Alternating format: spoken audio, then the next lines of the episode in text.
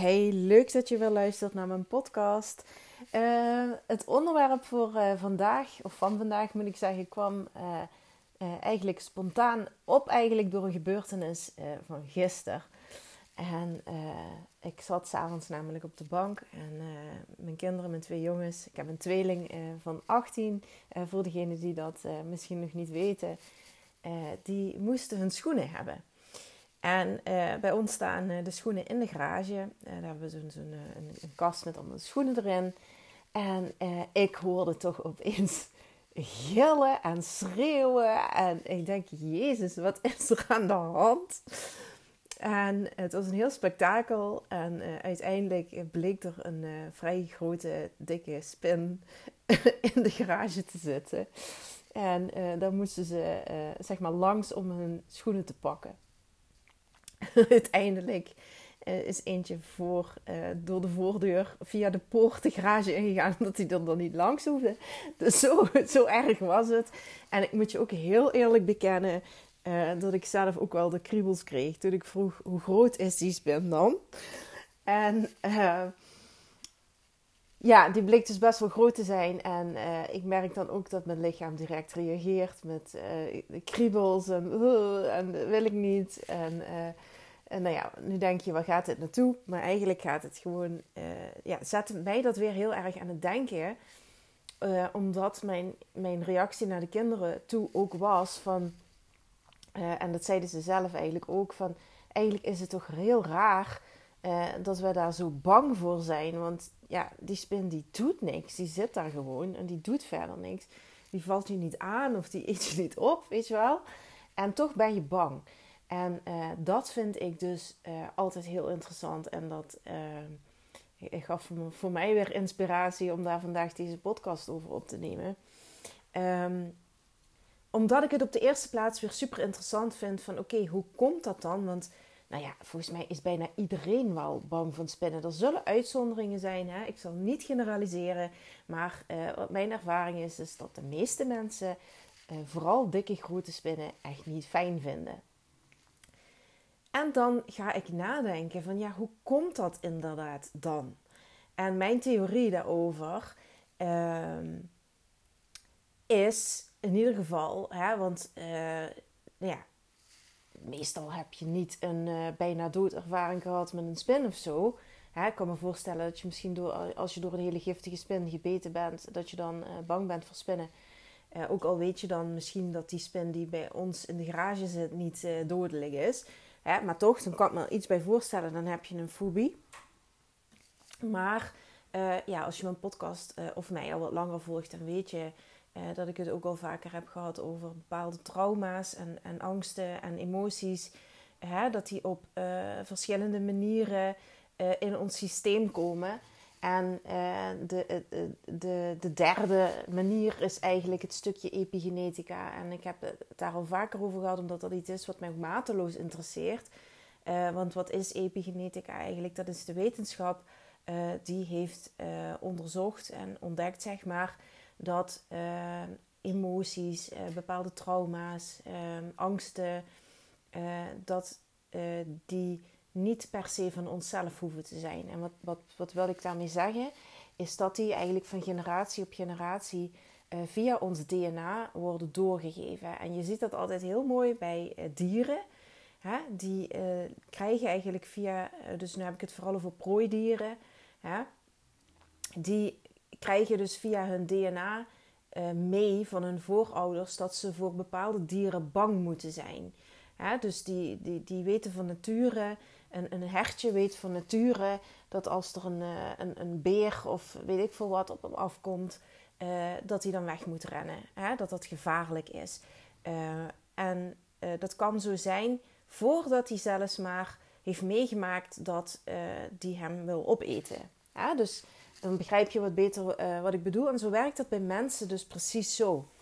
En nu was ik me dus gisteren aan het afvragen van... Goh, zou het dan misschien zo zijn dat, uh, ja, God weet hoeveel uh, miljoenen jaar geleden misschien wel, uh, dat er een, een, nog grotere spinnensoort bestond. Hè? Zeg maar een soort monst monstru monstrueus, mega grote spin. Hè? Net zoals dat er natuurlijk dinosaurussen bestonden en hele grote krokodillen en weet ik het wat allemaal.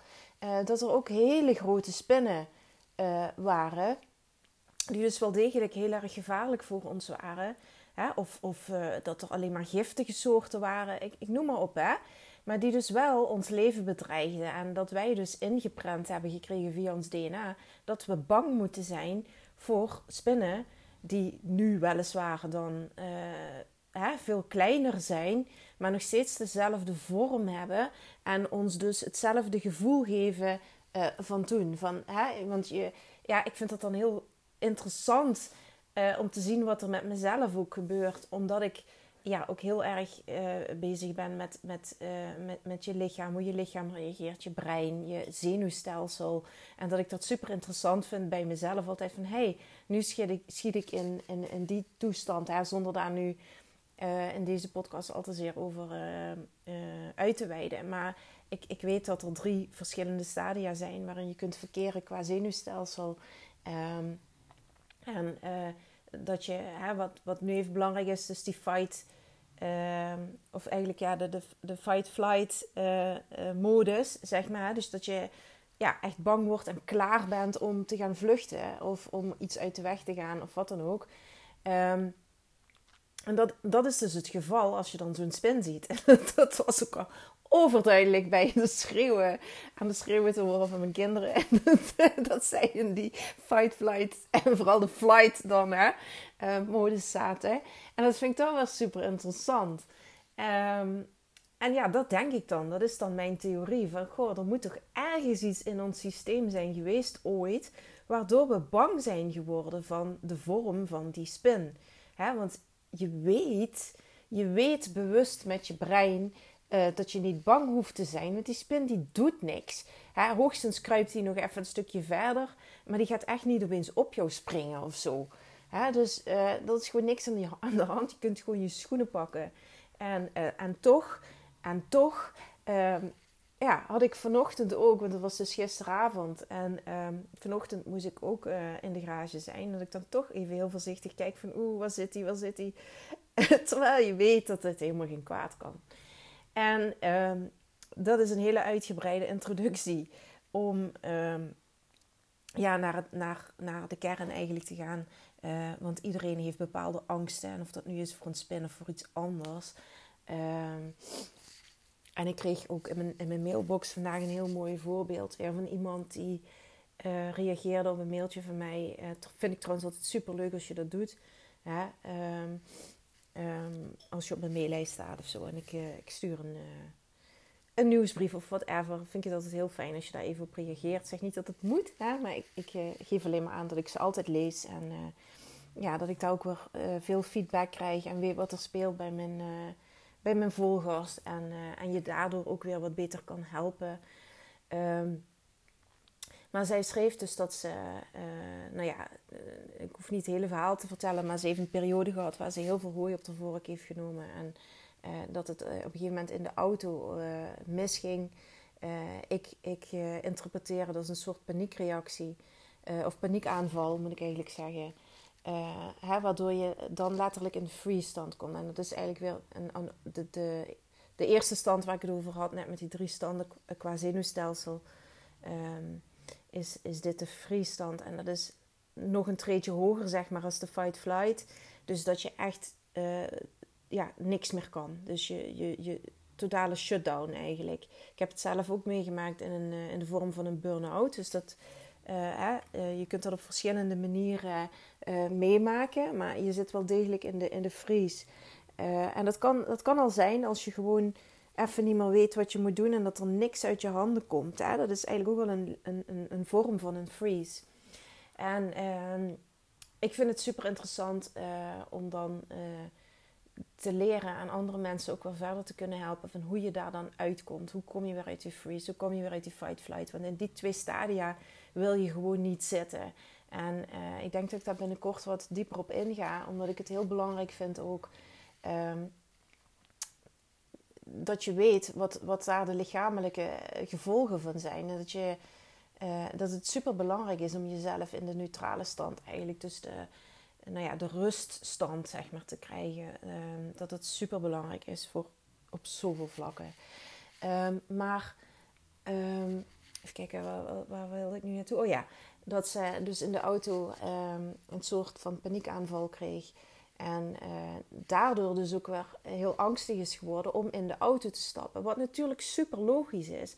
Want je, je brein en je hele zenuwstelsel uh, koppelt die gebeurtenis aan dat autorijden. Terwijl het natuurlijk net zo goed ergens anders had kunnen gebeuren. Maar ik begrijp het super goed.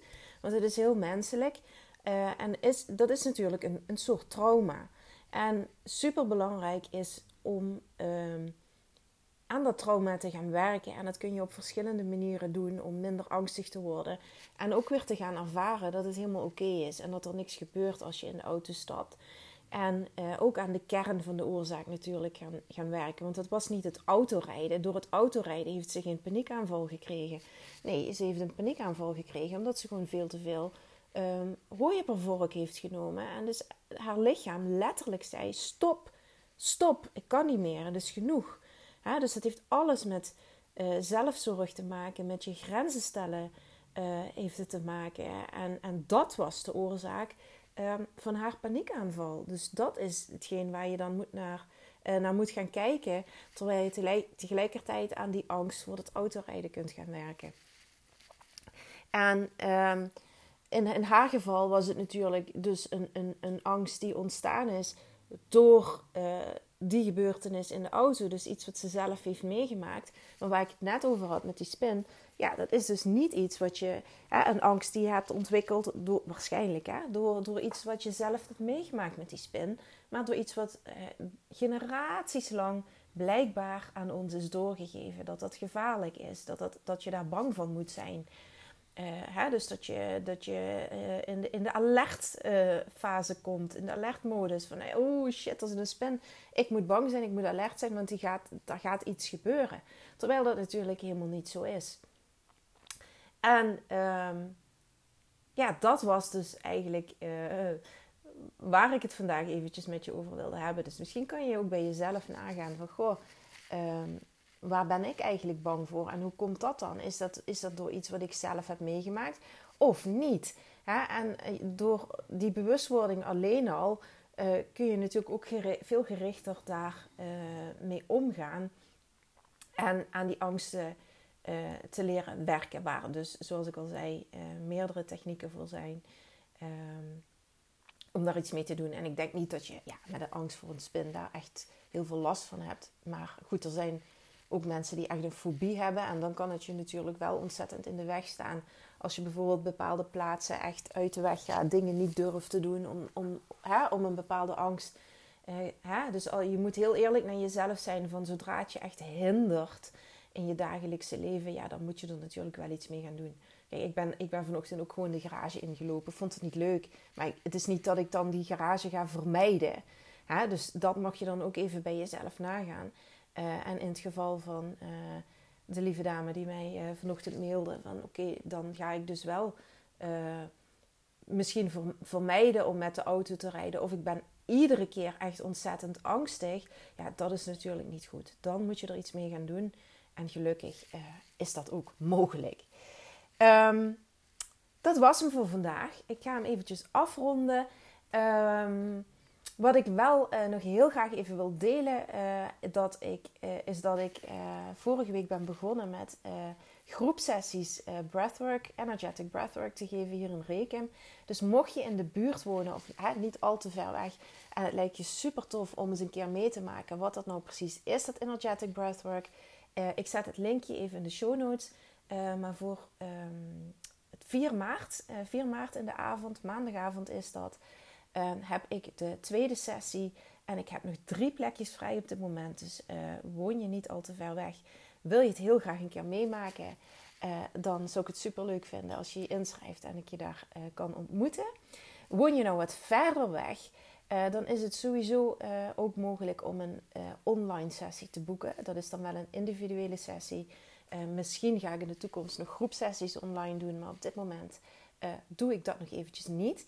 Maar je kunt dus wel een individueel, individuele uh, energetic breathwork um, sessie bij me boeken.